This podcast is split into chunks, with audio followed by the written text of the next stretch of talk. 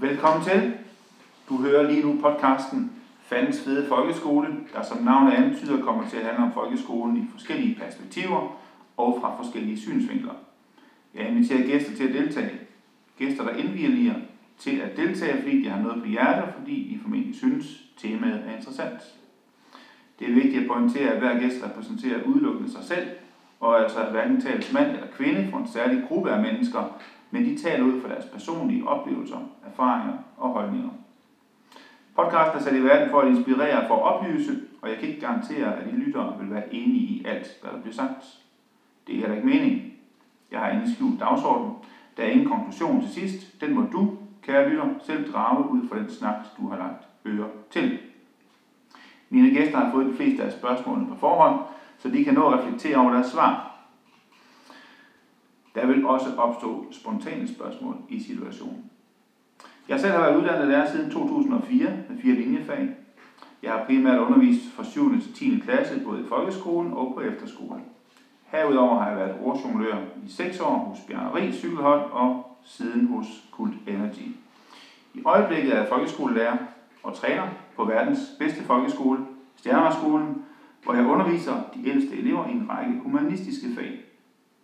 Min ene gæst er Jakob Prøjtum, der med en fortid som lærer nu er viseskoleleder på Bramdrup Skole i Kolding, og den anden gæst er Liv, der går i 8. klasse på Stjernevejsskolen. Vi skal hen ad vejen i senere podcast tage temperaturen på skolereformen, og vi skal også beskæftige os med de såkaldte curlingbørn, som jo er oppe i medierne for tiden, samt dannelse, opdragelse og den alsidige udvikling. Men i dag skal det handle om faglighed. Og der vil jeg starte med at læse op fra Folkeskolens formål, paragraf 1, der siger, at vi i samarbejde med forældrene skal give eleverne kundskaber og færdigheder, der forbereder dem til videre uddannelse, giver dem lyst til at lære mere, gør dem fortrolige med dansk kultur og historie, giver dem forståelse for andre lande og kulturer, bidrager til deres forståelse for menneskets samspil med naturen og fremmer den enkelte elevs alsidige udvikling. Jakob, der står intet om faglighed i folkeskolens formålsparagraf 1. Hvor ser du fagligheden hen? Jamen, øh, det er jo så det, man kan diskutere, om der står noget om faglighed eller ikke står. Der står jo rigtig, rigtig mange ting, som vi skal bibringe øh, vores elever i forhold til, øh, til deres læring. Øhm, og faglighed tager jo sit udgangspunkt i, at det skal gøre eleverne klar til samfunds- og samfundslivet bagefter. Så, så når der står, at vi skal gøre dem klar til at kigge på andre kulturer og forstå andre kulturer, øh, så vil jeg mene, at der ligger masser af faglighed i. Når vi siger, at vi skal give dem et historisk indblik til, hvorfor, hvorfor er vi der, hvor vi er, og hvordan er vi blevet dem, vi er, øh, så er der masser af faglighed i det. Og så står der jo også, at de skal kunne klare sig øh, efter det, det lidt beskyttede liv, man lever i folkeskolen, når man skal ud i den virkelige verden. Øh, og der skal man da trods alt gøre, bruge en del faglige ting for at kunne klare sig. Bare til at at gå ud og købe ind og, og være menneske i, i Danmark i dag. Kan man lægge i ordene kundskaber og færdighed, kan man oversætte de to øh, begreber med ordet faglighed? Nej, det synes jeg ikke. Jeg synes måske mere, at man kan gå ind og snakke om det, der hedder livsstudighed. Øh, I stedet for at sige, hvad, hvad er det egentlig, vi skal gøre vores, øh, vores børn og vores næste generation klar til? Hvis ikke det er livsstudige mennesker, øh, så ved jeg ikke, hvad det er. Men inde i livsduelige mennesker ligger der jo også faglighed. Øh, man skal være fagligt kompetent til at kunne øh, yde en indsats for samfundet i forhold til, at man selvfølgelig skal ud og have et job og tjene nogle penge. Det er det, der får samfundet til at løbe rundt via vores skatter. Så, øh, så jeg synes, det ligger implicit i. Så vi udvælger den enkelte elev, elev til, at, til at være på arbejdsmarkedet? Vi giver den enkelte elev muligheder for at kunne vælge, hvad de vil være i deres liv.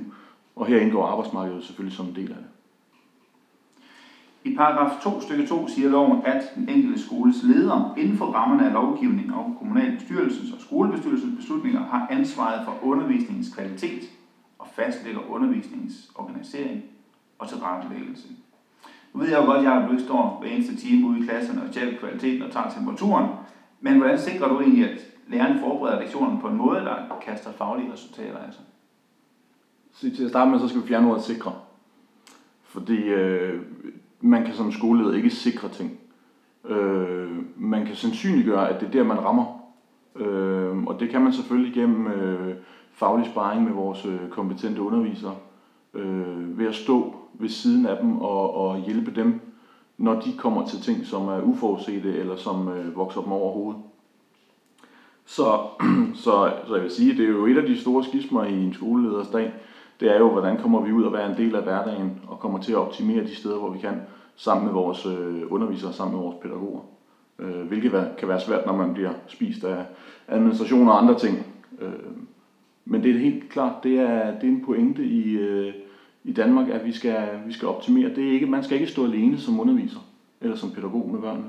Man skal stå på et fundament, som er skabt sammen med den ledelse øh, og den kommunale baggrund, der er, det vil sige forvaltninger og kommunalbestyrelser. Kommer lærerne eller pædagogerne med, med ønsker til undervisningen, som du, som du afslår af pædagogisk årsag? Jeg vil sige, det er sjældent, der er noget af pædagogiske årsager, der bliver taget væk. Øh, det her med at kaste sig ud på dyb vand en gang imellem og prøve noget nyt af, noget som øh, måske virker, måske kan det give øh, eleverne noget ekstra. Øh, det skal der være rum til i folkeskolen. Så, så det er sjældent, at jeg på pædagogisk baggrund afviser noget i forhold til et eller andet, som, øh, som vores undervisere eller pædagoger sætter i gang. Øh, der er andre aspekter og andre grunde til, at man kan afvise ting undervejs, men det er sjældent pædagogisk. Hvad kunne det så være? Jamen det kunne være, at der er en økonomisk øh, agenda bagved, som, som gør, at vi ikke kan de ting, som man gerne vil. Øh, du kan jo bare tage fat i noget som, som lejerskoler. Øh, det er jo ikke gratis. Øh, den danske folkeskole skal jo være gratis at gå i. Øh, så der skal jo ikke være en, en brugerbetaling. Det gør jo også, at, at vi skal finde øh, penge til sådan noget som lejerskoler inden for budgettet, hvilket kan være en, en stor udfordring. Så der er nogle ting, hvor vi siger, at her kunne man måske i gamle dage, der havde man måske lidt mere økonomi. Eller man siger, at de her ting vil vi faktisk gerne forsøge at prøve at implementere i skoledagen til glæde for eleverne. Det er bare ikke muligt med den økonomi, som skolerne har i, i dag. Så det du beder om, det er faktisk lidt mere støtte økonomisk? Jamen, jeg behøver alle sammen flere penge. Det er jo klart. Gør vi ikke alle sammen det?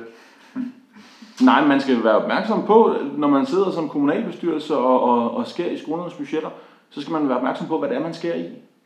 Øh, man skærer nødvendigvis ikke i daglig, den daglige undervisning, fordi der er nogle kompetente undervisere, der, der kan det her med at undervise i en time, isoleret set. Men man skærer i alle de ting, som kan gøre skoledagen mere spændende, som kan, kan gøre, at øh, eleverne får øh, en anden nysgerrighed og en anden interesse. Det kan være svært, hvis man, hvis man ikke har nogen midler øh, i undervisningen, hvis man ikke kan tage ud af huset, hvis man ikke kan lave spændende ting for, for, øh, for sine elever. Øh, så det, det er der, man rammer først. Det er jo alle flødeskum, man tager væk først. Og hvis flødeskum er det, der gør, at børnene synes, det er sjovt at gå i skole, jamen øh, så falder deres faglige måske, øh, deres faglige niveau måske på grund af det. Øh, hvor mange af os ville sidde 45 minutter på en stol og kigge på en, på en tavle. Det er sjovt, hvis man kan lave noget. Selvfølgelig kan man lave en undervisning, som tager udgangspunkt i sjov, og som ikke koster noget. Men der er bare en vekselvirkning mellem ting, der ikke koster noget, og ting, der koster noget i forhold til at lave det spændende og interessant for eleverne. Nu skal vi ikke rigtig diskutere folkeskolereformen i dag som sådan, men, men synes du, at der er tid nok til at forberede undervisning, der, der vægter både den altid udvikling, demokratisk dannelse og så den faglige resultatorienterede undervisning? Ja, tid nok. Det er jo så, hvad man sammenligner med, når du siger nok. Så er der, ligger der jo allerede implicit i det, at, at du sammenligner med noget andet. Øh, jeg synes, de undervisere, som, som jeg har, de gør et kanon stykke arbejde. Og de bruger deres forberedelsestid øh, ekstremt dygtigt til lige præcis at sætte ind på nogle områder. Andre steder øh, tager de en mindre lunds af forberedelsestiden, fordi det er noget, de måske har liggende på ryggraden. Men vi kan jo sagtens bruge mere forberedelsestid. Så jeg vil ikke sige, at, at kvaliteten er blevet ekstremt dårlig, fordi man har en faldende forberedelsestidsfaktor. Men man skal gøre det på en anden måde. Og det er, det er det, der er, er udfordringen, det er, kan vi, øh, har vi efter reformen fået alle til at arbejde på den rigtige måde, sådan så at der ikke er nogen mangler, fordi man er vant til at forberede sig på en måde, men man nu ikke kan gøre det på den måde mere. Der hvor jeg mærker som lærer, det er især de skriftlige afleveringer. Hvor førhen, der kunne jeg måske give eleverne 10 skriftlige afleveringer for øh, om året, som de så fik noget respons på, de fik karakterer for det. Øh, det koster selvfølgelig noget forberedelse, fordi jeg skal sidde og rette dem ordentligt igennem. Derfor har jeg ikke tid til at give dem 10 skriftlige afleveringer for om året. Øh, er det ikke bare med til at sænke det faglige niveau? Det kommer an på, hvordan man kigger på det. Øh, har vi lavet en sammenligning af det faglige niveau før og efter, i forhold til, om man retter x antal øh, skriftlige øh, prøver eller opgaver. Øh, spørgsmålet er, om det kan gøres på andre måder. Kan man lære eleverne på andre måder, end at du sidder og retter dem? Er der noget i forhold til det her med at rette det som kollega elev imellem? Kan man få noget ekstra ud af det, hvor lærerens tid ikke er i spil? Selvfølgelig skal man som lærer være ind over og se på ens elevers faglige niveau og hjælpe dem og vejlede dem og guide dem i forhold til, hvad de skal gøre bedre næste gang for at optimere, øh, så de får noget ud af det. Men der kunne også være noget i, at man sagde, at eleverne i grupperinger øh, kunne også øh, hjælpe hinanden, hvor man som lærer måske mere var en vejledende funktion ind i det, og ikke skulle sidde og rette alle opgaver igennem. Det var bare et eksempel på, hvordan man kunne, kunne spare noget læretid, øh, uden at man måske tabte noget kvalitet. Så du mener godt, at eleverne de kan agere lære og rette hinandens skriftlige stil, for eksempel? det er ikke at agere lærer. Det er at være kollega i det, man laver. Det vil sige, når man sidder som elev, har man en masse kollegaer i sin klasse, de andre elever. Det kan sagtens være, at man kan udnytte. Der er også noget i det her med at sige, når elever skal forklare andre, hvad det er, de synes er det rigtige. Det lærer man også en masse af som elev. Det kan ikke fjerne lærerens rolle, men det kan måske tage i nogle af de her øh, eksempler, du nævner, og sige, jamen her er der andre løsninger, som kan være lige så gavnlige måske, som at der er en lærer, der sidder og retter dem. Så du siger altså meget ord, at elever kan godt være lige så kompetente fagligt, som en lærer kan være, og så rette de andre elevers stil. Det, det er ikke nødvendigvis det, jeg siger, men det er jo godt forsøgt. Men, øh, men det, der er i det, det er at sige, jeg har også set undervisere sidde og rette en masse opgaver, hvor der nede i bunden står et tal. Øh, det får man som elev ikke særlig meget ud af. Man får at vide, hvor man ligger i forhold til de andre, men man får ikke noget læring ud af, om man får et 9-tal, eller man får et 7-tal, eller man får 0-2, eller hvad man nu får. Øh, det kan vi jo spørge Liv om. Hun sidder jo lige her ved siden af. Liv, øh, hvad, hvad siger du til, at, øh, at man kan få noget faglig respons fra de andre, fra dine klassekammerater for eksempel? Altså, jeg har det sådan lidt, det, kan, det der med, at elever de skal sidde sådan og så ret hinandens. Altså, der er jo stor niveauforskel tit og ofte i en klasse. Så derfor så vil det langt fra være alle, der kunne sådan decideret rette øh, en andens opgave. Så ja, det ved jeg ikke. Vil det være tilfredsstillende for dig som elev, at, at du, mod, eller du, øh, du får en stil retur, hvor der bare står et tal? Altså du bare får en karakter uden nogen uddybning om, hvorfor du får den karakter? Altså, nej, jeg, helst vil jeg gerne have, at, øhm, at der stod noget, som netop der fortæller, hvorfor man får den karakter, som man får, og at man kan gøre bedre til næste gang, hvis, man, hvis det er muligt at få en bedre karakter. Men karakteren fortæller jo også et eller andet sted om, hvor man ligger henne.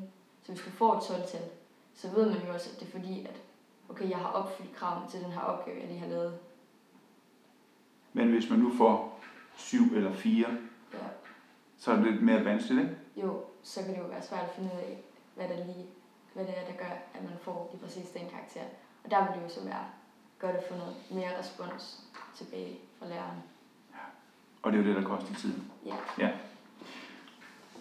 Lærerne og eleverne i folkeskolen, vi arbejder jo med øh, fællesmål og læringsmål, og jeg vil øh, lige læse op her for geografi, hvad, øh, hvad man skal kunne i det tema, som hedder befolkningstallet stiger. Der står, eleven kan praktisk og teoretisk undersøge befolkninger og byers strukturer, Eleven har viden om demografiske variabler, bymønstre. Eleven kan undersøge befolknings- og erhvervsudviklings betydning for levevilkår. Eleven har viden om levevilkår og befolknings- og erhvervsudvikling. Eleven kan med modeller forklare befolkningsudvikling herunder med digitale simuleringer. Eleven har viden om befolkningsligningen og befolkningspyramider. Liv, det er jo svært ikke at få, øh, det er svært ikke at få sig på banden, når man hører det her øh, hvad I skulle kunne i, i 8. klasse. Hvordan, øh, hvordan forholder du dig til, øh, til sådan nogle øh, fællesmål? Altså, de er meget gode sådan, gå ud fra at sige, hvad man skal kunne, men altså, når man har om sådan et emne, så synes jeg også, det er svært sådan at sætte boks, hvad man sådan præcis har lært. Altså, så kommer det bare, at til sidst, når man så er færdig med emnet, at så har man viden om det her, og man kan de der forskellige opfylder de her forskellige øh, læringsmål. Så altså, jeg synes, de er meget gode at have sådan, som at tage ud fra. men jeg ved ikke sådan, hvor, hvor meget man sådan skal, ja, hvad kan man sige, sådan, øhm, Så det du siger, at de skal bruges som en slags rettesnor om, hvilken, hvilken retning du skal fokusere på, eller hvilken Ja. fokus du skal have undervejs, er det du siger lige? ja, det synes jeg i hvert fald. Øh, Øh, sådan rent øh, ligestalmæssigt her, så er det jo altså nogle ret barske sætninger, synes jeg, at det står i et ret, rigtig tungt sprog. Har, har elever ikke brug for en form for oversættelse? jo, det tænker jeg da nogle gange, at så har man lige brug for at få at vide, hvad præcis det indebærer, hvad det er, der står, øhm, sådan at man kan opfylde det. Godt. Øhm, det, er selvfølgelig, øh, det er selvfølgelig svært at argumentere imod at arbejde med, med sådan nogle fagmål. Eller hvad? Giver det mening at arbejde med fagmål? Jeg vil sige, jeg har været syg den dag, vi havde geografi, tror jeg. jeg er glad for, at jeg ikke er skoleelev i dag. Ikke? Altså, fordi det er, jo, det er jo, hvis man kigger på det, så er det jo helt vildt så mange mål, vi sætter op for vores elever. Og det er spørgsmålet, om det giver værdi at sætte alle de mål op. Eller om det bliver for meget. Altså, liv, kan, du, altså, kan man rumme alle de mål på én gang? Kan man, kan man, kan man sidde som elev og så kigge på dem og så tænke, jamen det her, det når vi nok i løbet af de her par år, vi har geografi. Eller tænker man bare, jamen det er ligegyldigt. Altså det når jeg alligevel aldrig. Og, altså jeg har det sådan lidt, nogle gange, det kommer selvfølgelig også an på, hvor mange der er og hvad det er, men at, så kan det godt blive helt uoverskueligt, altså at man får dem sådan, nærmest inden man overhovedet er gået i gang med emnet, og så skal man til at, åh, jeg skal kunne alt det her, og hvad nu hvis jeg ikke øh, opfylder kravene, og alt det der.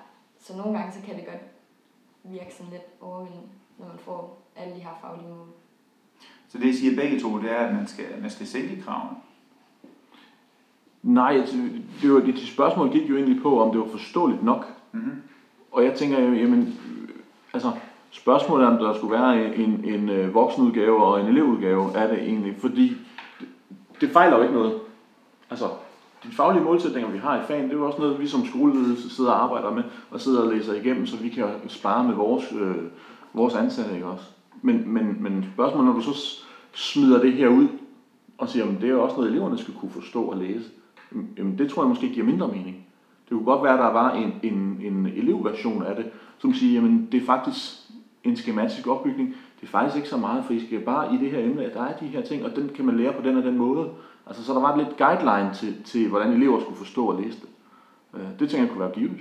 Ja, det er også det, jeg oplever som lærer, at man, at man i starten af de her former for temaer, man går ind i, der skal man starte med at tørre sveden af panden på eleverne. Og sige, så slemt er det heller ikke, som det lyder. Men det kunne man godt have gjort fra starten, tænker jeg, når man laver de her læringsportaler, som man nogle gange gør, og man betaler for.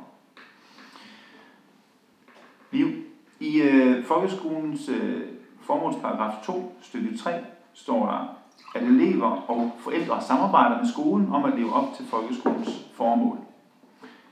Men hvad er faglighed? Hvad, hvad er læring for dig? Altså, jeg synes, det er lidt svært at sætte sådan en finger på konkret, hvad det er, men jeg føler, at læring, det er en proces, som ofte tager længere tid end bare en dag i skolen eller nogle dage i skolen. Altså, selvom jeg får noget forklaret derovre og bliver sat ind i det og egentlig forstår det, så lærer jeg det først, når jeg begynder at kan bruge det i min hverdag og benytte mig af den nye viden. Øh, altså, så ved jeg godt, jeg kan jo godt komme hjem og sige, at i dag har jeg lært et nyt ord. Men det er jo så først, når jeg kan begynde at bruge det netop i hverdagen og den sætninger med det, og bruge det i stil og så videre, at jeg rent faktisk føler, at jeg har lært det. Øhm, Får, får du så mulighed nok for at, at lære, eller for, at, for ligesom at bruge det, du har lært? mm, ja, det føler jeg. Altså, Fordi du siger, at, øh, at det er egentlig først, når du sådan skal til at bruge det, at du, øh, at du bliver bevidst om, at nu har jeg faktisk lært det her. Får, får du nok af den slags situationer, hvor du, hvor du oplever, at, øh, at du har lært det? Jamen, altså, de fleste ting, de, altså, nogle de sætter sig sådan fast, og så gemmer man dem sådan om i baghovedet, og sådan, uden egentlig at lægge mærke til det, og så kommer det egentlig bare, altså frem, viser sig på, i situationer, hvor man sådan har brug for det, eller hvad man siger, så ja, det føler jeg. I hvilke situationer lærer du mest? Øhm, når jeg har tid til at sætte mig ordentligt sådan ind i noget over på skolen, altså, der må ikke være for mange ting, man skal nå i en time. Fordi så er det eneste, man kan tænke på, det er bare den næste ting, man skal nå inden timen er om. Øhm, og det lærer man ikke så meget af, øhm, synes jeg i hvert fald ikke.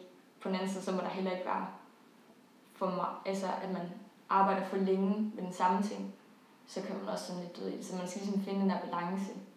Øhm, og så kan jeg også godt lide sådan arbejde, gruppearbejde. Men øhm, ikke for store grupper, så føler jeg ikke, at det, man finder så meget ud af det. Men når man er sådan 2 og 2 eller 3 og 3, lige har en sparringspartner og sådan noget, så kan jeg godt lide gruppearbejde. Og der føler jeg også, at jeg lærer noget.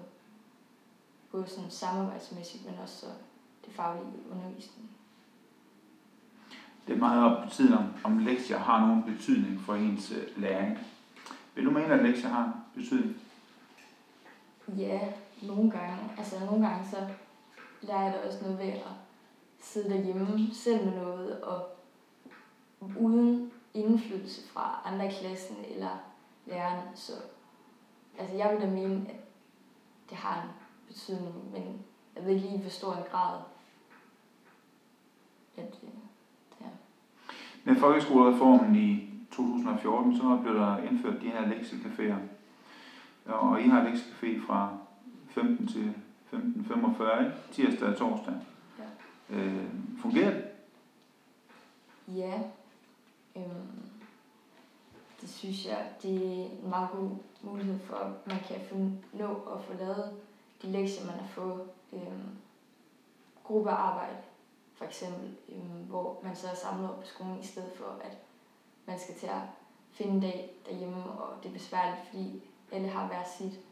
Øhm, men også sådan, at man har læreren, man kan gå til og spørge om hjælp, og sådan. Så der fungerer det, men nogle gange, så hvis man ikke har nok lektier så kan det jo godt blive sådan lidt useriøst, så får man måske ikke helt så meget ud af det.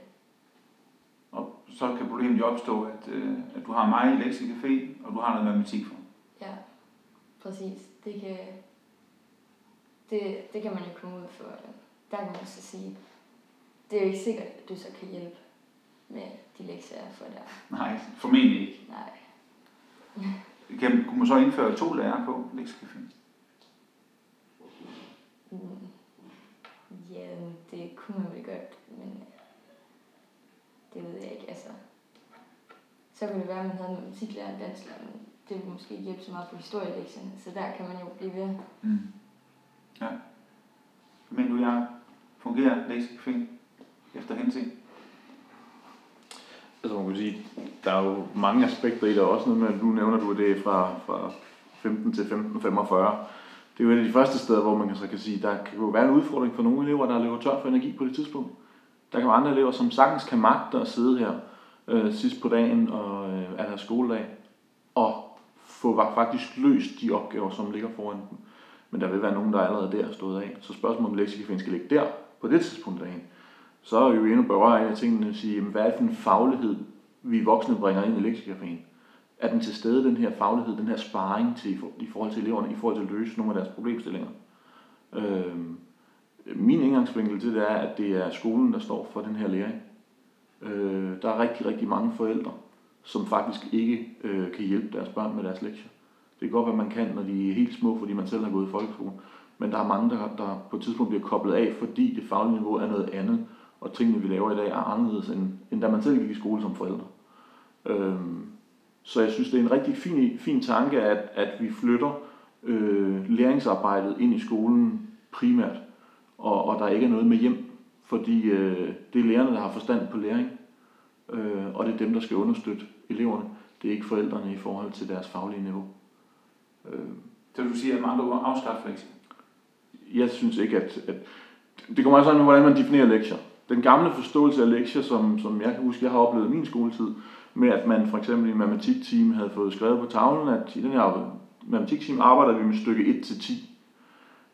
Dem, der kun nåede til stykke 6, fik så de sidste 4, 5 stykker med hjem. Øh, dem, der havde noget at lave 10, de havde ingen lektier med hjem. Det vil sige, at man sendte altså de bedste elever i matematik hjem uden at skulle have noget, og de dårligste elever hjem med noget, som de måske i forvejen ikke kunne finde ud af. Dem skulle de så sidde med hjemme og tærpe på og få nederlag ved, udover at de havde nederlag over, at de ikke blev færdige i skolen.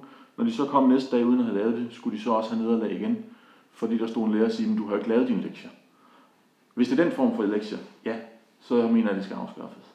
Og samtidig så står der en gruppe fagligt stærke elever, som ikke er blevet udfordret ja. i forhold til deres nærmeste zone for ja. udvikling.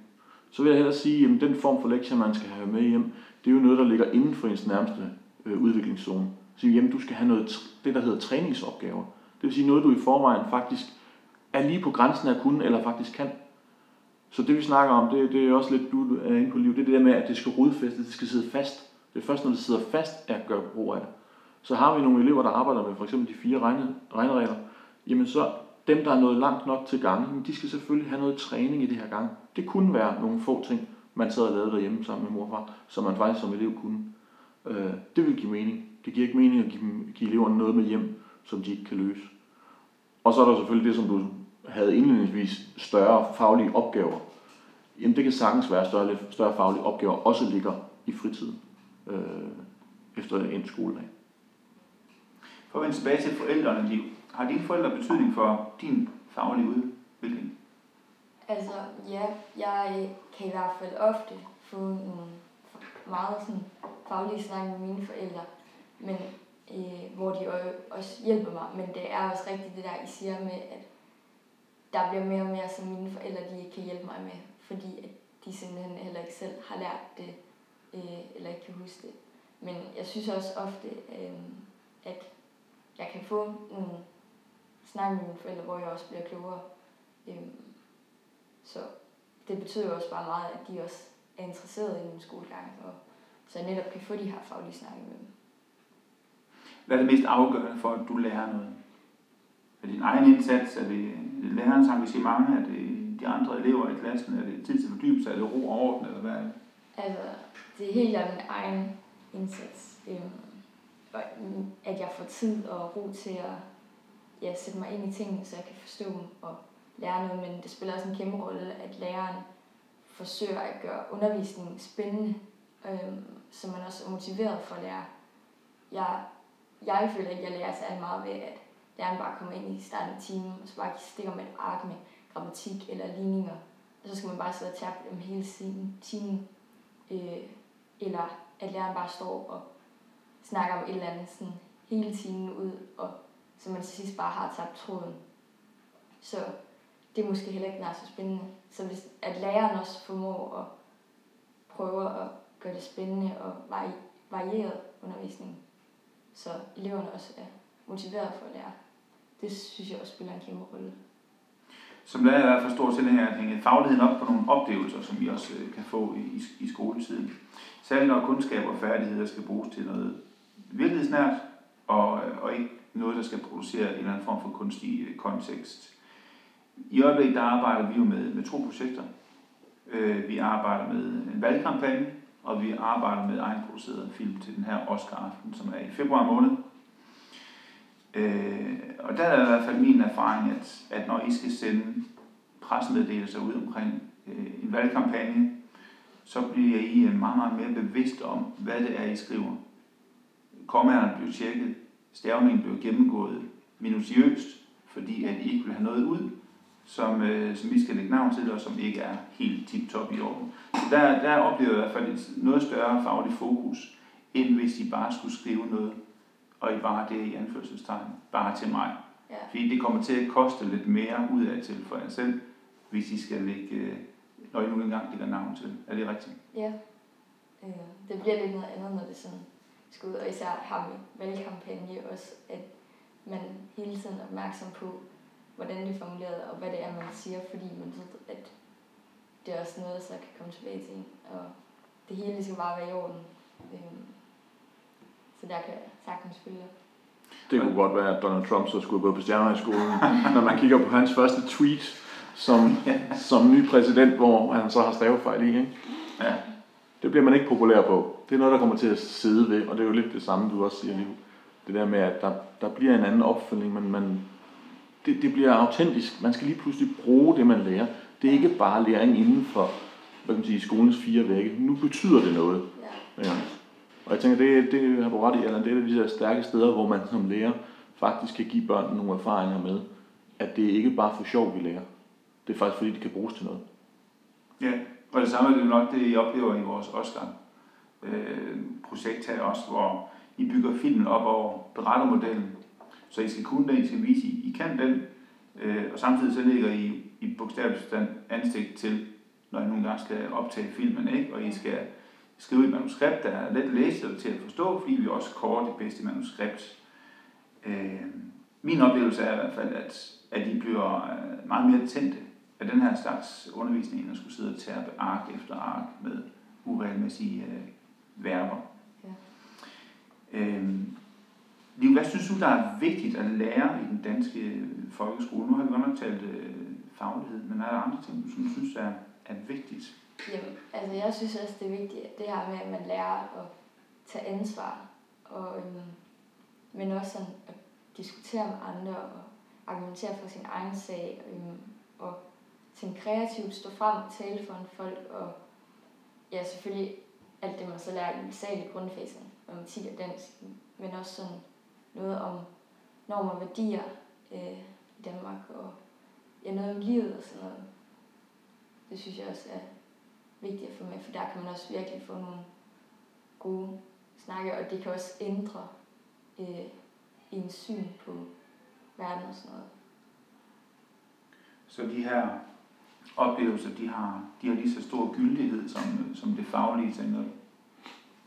Øh, altså ja, jeg synes, at dannelse og oplevelser, det er i hvert fald næsten mindst lige så vigtigt som fagligheden og undervisning.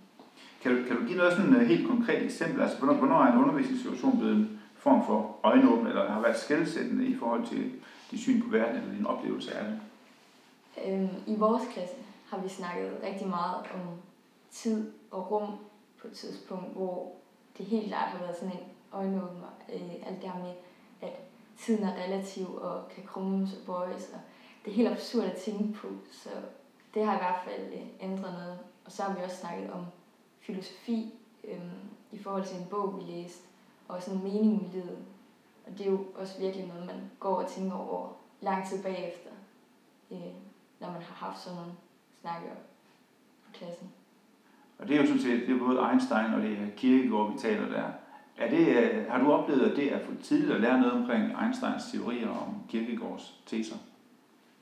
Øhm, jeg har i hvert fald oplevet, at når jeg så har snakket med andre på min alder, øhm, om, at, om det har vi snakket om, og det har vi haft om, og der, så har de kigget sådan helt paf og bare sådan, wow, har jeg om sådan noget, og det lyder mega svært, men når man snakker om det på den måde, som vi gør, så føler jeg, at det på en eller anden måde er til at forstå. Øhm, også så så vi nogle videoer og hørte lidt. Det giver også sådan... Jeg føler ikke, at det, det er så svært, som man tror. Ja. ja. Okay. Det her med læring og, og faglighed, det er også meget, meget at gøre med den læringskultur, der er i, i klasseværelset, tænker jeg. I hvert fald det, jeg har oplevet. Liv for dig, og det du oplever, er det, er det, er det ind, eller er det pinligt at ville lære noget, at sidde og, og ligesom følge med og markere og sige noget? Mm, jeg synes ikke, det er pinligt overhovedet øh, at ville lære noget. Og jeg føler også, at det er blevet mere sådan, med tiden i hvert fald, hvad jeg oplever sådan min klasse og rundt om mig, at folk begynder også at tage det mere og mere seriøst, at alt det der med, at man skal have en god uddannelse og sådan noget, så man kan få et godt job, og folk begynder virkelig også, at, sådan, at det ikke er pinligt at vil lære noget, men at det er en god ting. Øh, der vil jo selvfølgelig altid være nogen, der synes, at med skole er så kedeligt og så videre, men jeg tror for de fleste der begynder det nu her i udskolingen også at gå op for dem, at det er vigtigt, at man også får en god uddannelse og sådan noget. Så det er simpelthen fordi, at I kan se øh, vildheden ude i horisonten? Ja, det vil det jo nok være for nogen. Altså, nu kan jeg ikke helt sige... Altså, jeg har altid bare godt kunne lide sådan at blive klogere på ting. Så, øh, men jo nærmere man også kommer på det, jo mere begynder man også at gå op i gode karakterer og alt sådan noget. Det føler jeg i hvert fald, at jeg gør. Det er det her med karakterer. Har, har karakteren øh, øh, noget at sige i forhold til din egen indsats? Altså betyder det noget at få en, en høj karakter, og er det, er det sådan det, det primære, den primære årsag til, at du, at du anstrenger dig? Er det, er det på grund af karakteren? Nej, altså, jeg anstrenger mig jo altid for, at jeg vil gøre mit bedste, men nu, når man får karakterer, så begynder det også at handle mere om, altså, det er også en slags motivation for, at man vil have en bedre karakter og en god karakter. Øh, jeg føler i hvert fald, at det er også meget det, man stræber efter, samtidig med, at man gør jo sit bedste, så kan man ikke gøre mere.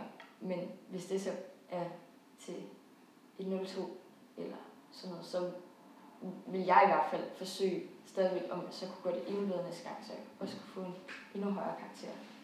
Fordi det betyder noget. Det gør det bare. Ja, det der tal, den der vurdering på, det er ligesom om, at man nogle gange så kan man godt føle lidt, at den der karakter, den er en del af en, eller hvad man kan sige, at man he- hele en selv bliver vurderet på den, selvom det jo kun lige er der, hvor man står fagligt. Men man kan godt få den der følelse en gang imellem. Der, jeg tror ikke, der er nogen lærer, der giver karakterer på på de kønne blå øjne i hvert fald. Det er jo nok det, man, det, man leverer. Men der er jo erfaring for på både friskoler og på efterskoler, at man indfører karakterfri øh, undervisning. Øhm, og argumentet for det, det er, at noget af læringen skal komme indenfra. Det skal, læringen skal være noget, som øh, tager udgangspunkt i ens egen nysgerrighed på verden, og derfor man gerne vil lære noget og blive klogere. Hvorfor, hvorfor indfører man ikke det i folkeskolen, Jacob Torm? Det er jo et godt spørgsmål. Det er jo en politisk dagsorden, der ligger et helt andet sted end, end mellem os tre i hvert fald. Ja. Øhm, jamen, øh, det gør man vel ikke, fordi man vil gerne have et sted, hvor man kan måle og veje vores skolesystem. Øhm, og det her det er en af måderne at gøre det på. Øh, hvorfor indfører man nationale test? Ja, det gør man jo for, at øh, man i løbet af skolegangen kan evaluere undervejs og se, om man er i, på vej i den rigtige retning. Eller også bruger man det som et eller andet måltal, hvor man kan sammenligne ting. Øh, karaktererne i folkeskolen i dag øh, er blevet øh, skolernes gabestok øh, eller øh, deres øh, stok til deres marching band. Det er lige præcis der, hvor man som skole kan hæve sig selv og sige, prøv at se, hvor gode vi er. Eller øh, man kan have en øh, forældregruppe, der står og banker på døren og siger, hov, hov, øh, den skole er så dårlig, så der vil min, jeg ikke have mine børn gå. Øh, så den, øh, den er, det er blevet for let at, at, at sammenligne skoler på grund af karakter. Øh, og det er, det er et unuanceret billede på, hvad der egentlig foregår. Du kan ikke se på et afgangskarakter, hvor meget du har flyttet en elev.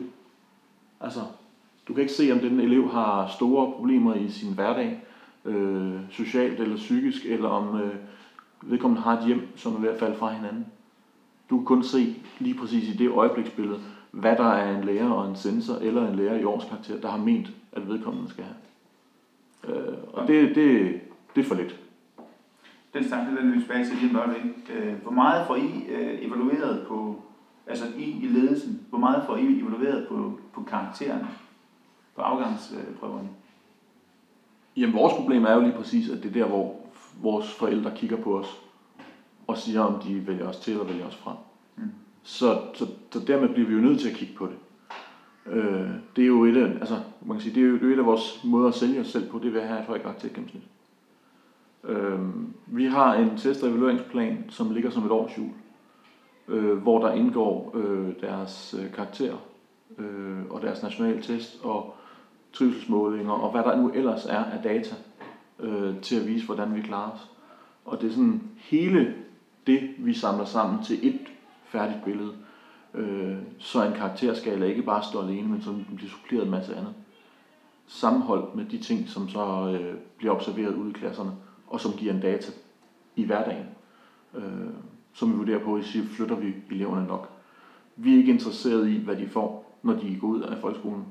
Vi er interesseret i, om de er klar til det, de skal ud og lave bagefter. Øh, så nej, vi, vi sætter det ikke karakterskalaen særlig højt, men vi bliver nødt til at forholde os til den, fordi vi kan risikere at miste elever øh, til andre skoler. Og dermed, øh, hvad kan man sige, komme i en negativ spiral, hvor vi så mister ressourcer. Ikke? Hvordan, hvordan forholder I jer så til lærere, som leverer dårlige faglige resultater? Er det noget, I taler med dem om? At I prøver at lægge pres på dem? Jamen det, der bliver jo allerede lagt pres på dem. I det, i det tilfælde, at man er, har en lærer, som, som scorer øh, markant lavere end en anden lærer i, i samme fag, med et elevgrundlag, der er det samme, så er der jo allerede der et stort pres på den enkelte lærer. Øh, og det er jo selvfølgelig noget, vi som ledelse går ud og i tale sætter sammen med lærerne og siger, hvad kan vi hjælpe med? Hvad kan vi gøre anderledes? Hvordan er tingene foregået? Hvordan kan vi optimere? Øh, og kigger måske også på kollegaerne og siger, er der, no, er der en forskel, siden der er et forskel i, i karakterniveau? Øh, så det er selvfølgelig noget, vi er opmærksomme på sammen med vores lærere, at vi skal selvfølgelig også der prøve at skabe det bedst mulige resultat.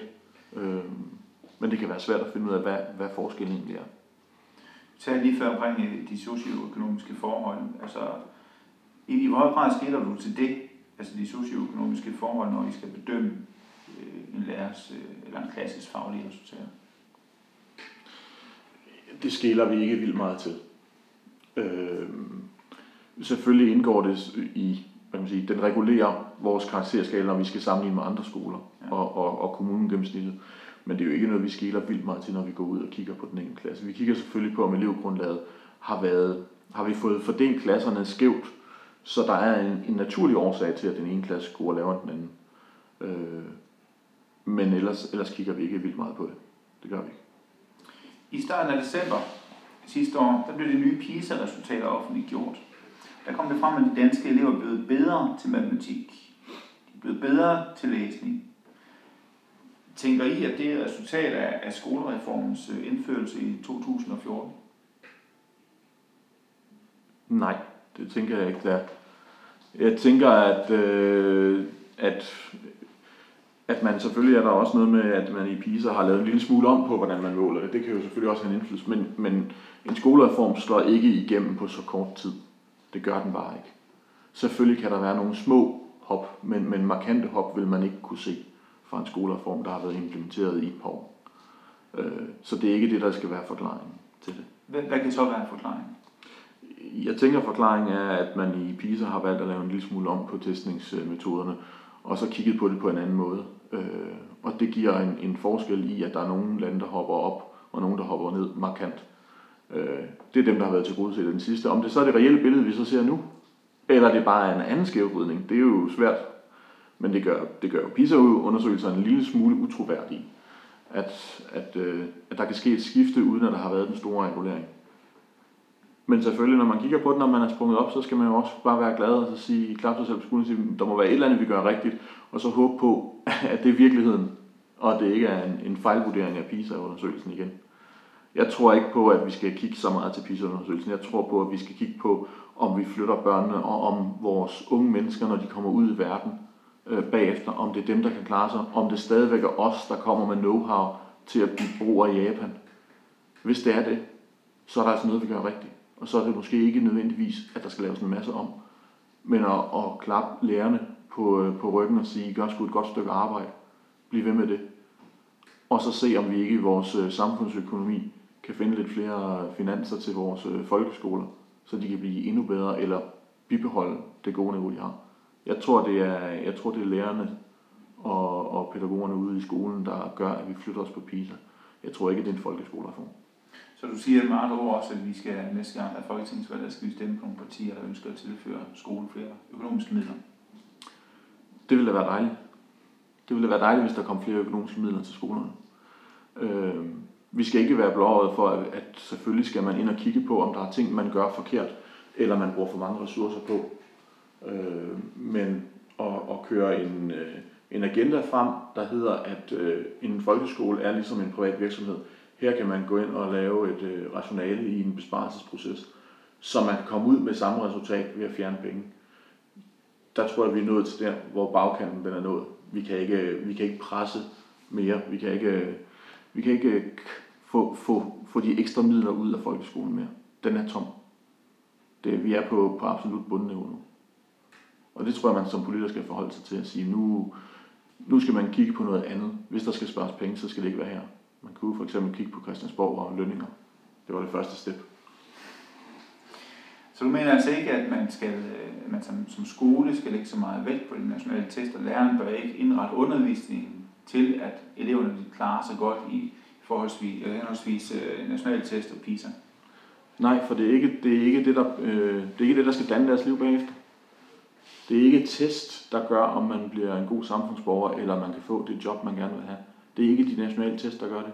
Nationale test kan man bruge som en guideline til at, at se, om der er noget, man har overset i den læring, man har med børnene. Det vil sige, at lærerne skal, skal bruge det som en, som en ekstra tjekliste for at sige, er der et barn, som vi her har tabt en smule? Har vi ikke været opmærksom på, at det her barn måske ikke lige har, har, har fået koden til brøkregning løst, eller hvad ved jeg? Så det er mere et ekstra materiale til at kigge ind i, om vi rammer børn lige præcis der, hvor vi har brug for at ramme i deres nærmeste udviklingszone. Så vi, jeg, jeg håber ikke, at vi kommer dertil, hvor vi, at det er teaching for test, vi laver. Vi skal hele tiden danne vores børn og uddanne vores børn til samfundsborgeren, til livet bagefter, og ikke til den test, der står i 6. eller 8. eller 9. klasse, eller som kommer i gymnasiet eller på en anden uddannelsesinstitution bagefter. Det vil være en forlidt erklæring, hvis vi kommer dertil. Det er der masser af andre skolesystemer, der brændt alderen på. Det behøver vi ikke gøre. Kan man så ikke indføre nogle test, der måler den alsidige udvikling i stedet for, hvis det er det, der er vigtigt? Jo, hvis der er nogen, der kunne finde ud af at lave sådan nogle, og hvis det blev prioriteret, så kunne man nok godt. Ja, også. Øh, men, men det er ikke det, der har været den politiske agenda indtil nu. Øh, der har været masser, der har jo været masser både for og imod nationale test. Både den ene og den anden professor har udtalt sig, så meget de overhovedet kunne komme til. Ja, også. Men, men, øh, men jeg tænker, at, at det, der er problemet, det er, at vi bruger en masse ressourcer, vi bruger en masse ekstra arbejdskraft på at lave noget, som ikke bliver brugt til det, der er tanken fra starten. Når jeg kigger på, hvor mange af mine øh, kollegaer i skoleverdenen, der bruger nationale test som et dybgående arbejdsværktøj, så er det meget, meget få. Man bruger det som en rettesnor. Man bruger det til at gå ind og kigge på. Og jeg vil også sige, at jeg har også øh, hørt om, om steder, hvor man går ind og kigger på, på de nationale test og siger, nå, det var det. Og så lægger man den ned i skrivebordskuffen sammen med de andre nationale test. Og så går man videre ved sin hverdag. Og hvis det er det, vi får ud af det, så er der jo ingen grund til at bruge ressourcerne. Så enten så skal man sætte det mere i system og finde ud af, hvad er det egentlig, man kan bruge dem til nøjagtigt, og så uddanne læreren til at bruge dem rigtigt. Eller også kan man sige, at det her det var, det var lidt mere en vildskud, end, end det var en god idé. Øh. Hvordan oplever du øh, de her nationale test? Dem har du også været udsat for i, i virkelighedens verden. Hvordan er det at, at lægge, øh, at lægge øh, hånd til det, ansigt til det? Jeg tror, mange elever de synes, også mig selv, at det, det er ikke lige så fedt, fordi at man føler ikke, at man sådan kan blive vurderet ordentligt. Altså alt ens faglige kunnen og ja, dannelse og det hele, det kan jo ikke blive mål i sådan en lille test. Og det der resultat, at man føler også, det, det et eller andet sted er lidt ubetydeligt, fordi at den test, den kan langt fra vurdere, altså, hvor man står sådan generelt, synes jeg i hvert fald. Øh, det tror jeg ikke på. Så jeg ved ikke, jeg er i hvert fald ikke sådan særlig positiv stemt over for de der nationale tests. For at det. Synes du, det er stressende at skulle tage den? Synes du, det er ubehageligt? Ja, det synes jeg. Øhm, og jeg kender flere, der har det på samme måde. Okay, så du går også ind for, ind for at det, det skal man enten ikke bruge, eller så skal man bruge det bedre? Ja. Okay. Tilbage til læring af faglighed. Personligt der har jeg tre forudsætninger, der skal opfyldes, for, for at eleven kan lære noget af tilegne sig faglige begreber. Jeg har det princip, at det er eleven ikke mig, der skal arbejde. Det nytter ikke med at stå time efter time og forklare ting i sammenhæng. Den gamle øh, timelærer, privatskolelærer, er ligesom ude af døren. Læring for mig er en subjektiv proces, hvor den enkelte elev arbejder aktivt. Den anden forudsætning er, at eleven er følelsesmæssigt engageret på en eller anden måde. Der lægger man stærkt op af Sten Larsen, der er professor i pædagogisk psykologi. Han siger, at hukommelse og følelser det, øh, hænger sammen, så erindringerne står stærkere, hvis man har været følelsesmæssigt involveret i et projekt. Derfor bør man som lærer opstille rammer, der tillader, at eleven selv vælger en problemstilling, så de i hvert fald får mulighed for at fordybe sig i noget, der tænder dem på den ene eller den anden måde. Øh, Liv, synes du, at du får mulighed for det i sådan det daglige?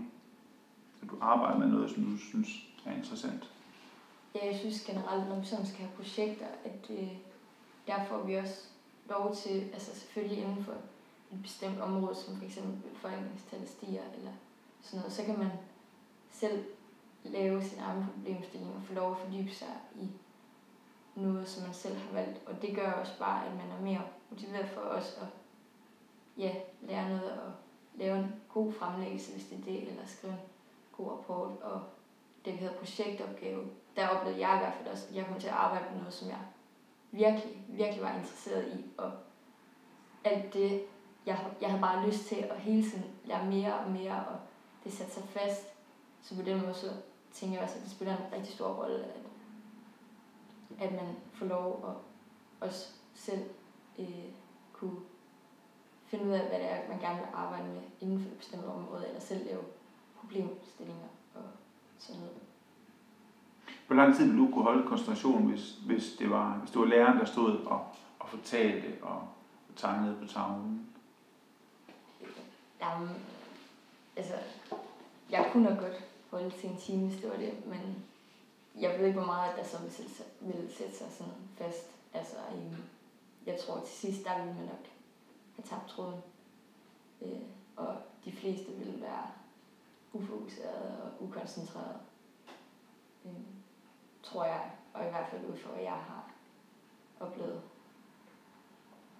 Den tredje af de tre forudsætninger, som jeg taler om lige nu, den første er altså den subjektive proces at lære noget. Det er eleven og ikke læreren, der skal arbejde primært. Øh, og den anden er, at man skal være følelsesmæssigt engageret. Og den tredje, i min verden i hvert fald, er, at det, der skal læres, det står i umiddelbar forlængelse af det kompetenceniveau, man er kommet til. Sådan ligesom når man bygger et hus, at man tager det øh, sten for sten. Så det er ikke noget at starte med skorstenen for eksempel. Altså man starter fra soklen og op, det som vi godt skal kalde for zonen for nærmeste udvikling. Og det virker jo meget naturligt, men i dagens folkeskole er den største udfordring, der er 20-26 elever, måske ovenkøbet op til 28, der hver især ikke er nået lige præcis langt, lige langt. Derfor kræver det altså, at læreren tager højde for det og opstiller 26 forskellige opgaver. Det er det, vi kalder for undervisningsdifferentiering. Jeg har på læreren tid nok til at forberede den slags undervisning. Hvis du mener med tid, øh, at øh, man skal lave 26 forskellige forløb, så ved vi jo alle sammen godt, at svaret er nej. Det kan man ikke nå som lærer. Så man bliver jo nødt til som, som underviser at kigge på, hvordan rammer jeg alle. Og det kan godt være, at det er en forberedelse af to-tre forskellige niveauer, man så kommer til at lave. Øh, og måske forskellige indgangsvinkler til de to-tre niveauer, så man derved faktisk har mange forskellige muligheder som lærer. Øh, men nej, det er klart noget, det er et af de steder, hvor man er presset på sin forberedelsestid, fordi du nævnte selv, jamen det skal være interessant, det skal tage udgangspunkt i eleverne. Det skal også være lidt anderledes for at skabe motivation til det. Der er rigtig mange aspekter som lærer, man skal ind i, for bare at stå i 45 minutter og undervise en flok elever på, på 26. Øh, så, så det er ikke let, og det er ikke der, hvor undervisningstid, eller hvor forberedelsestiden står, står model til, at man kan bare kan alt. Øh, men det er det, man skal leve op til. Det er det, vi skal leve op til som folkeskole. Så det er en udfordring, vi må tage på os, og så må vi finde nogle veje ind i det. Og med disse ord, der slutter denne første podcast omkring folkeskolen. Jeg gentager lige, at mine gæster og jeg udelukkende repræsenterer os selv og udtaler os på egne vegne. Emnet er ikke diskuteret til bunds, og ønsker du at fortsætte snak omkring faglighed, kan du skrive dine holdninger og stille spørgsmål på vores Facebook-side, Fandens Fede Folkeskolen. Der er reglerne enkle. Tal ordentligt, forhold dig savligt, bliv på din egen banehalvdel, og jo mere uenig du er med folk, jo pænere skal du tale til dem, som Clemen Kærsgaard så rigtigt siger.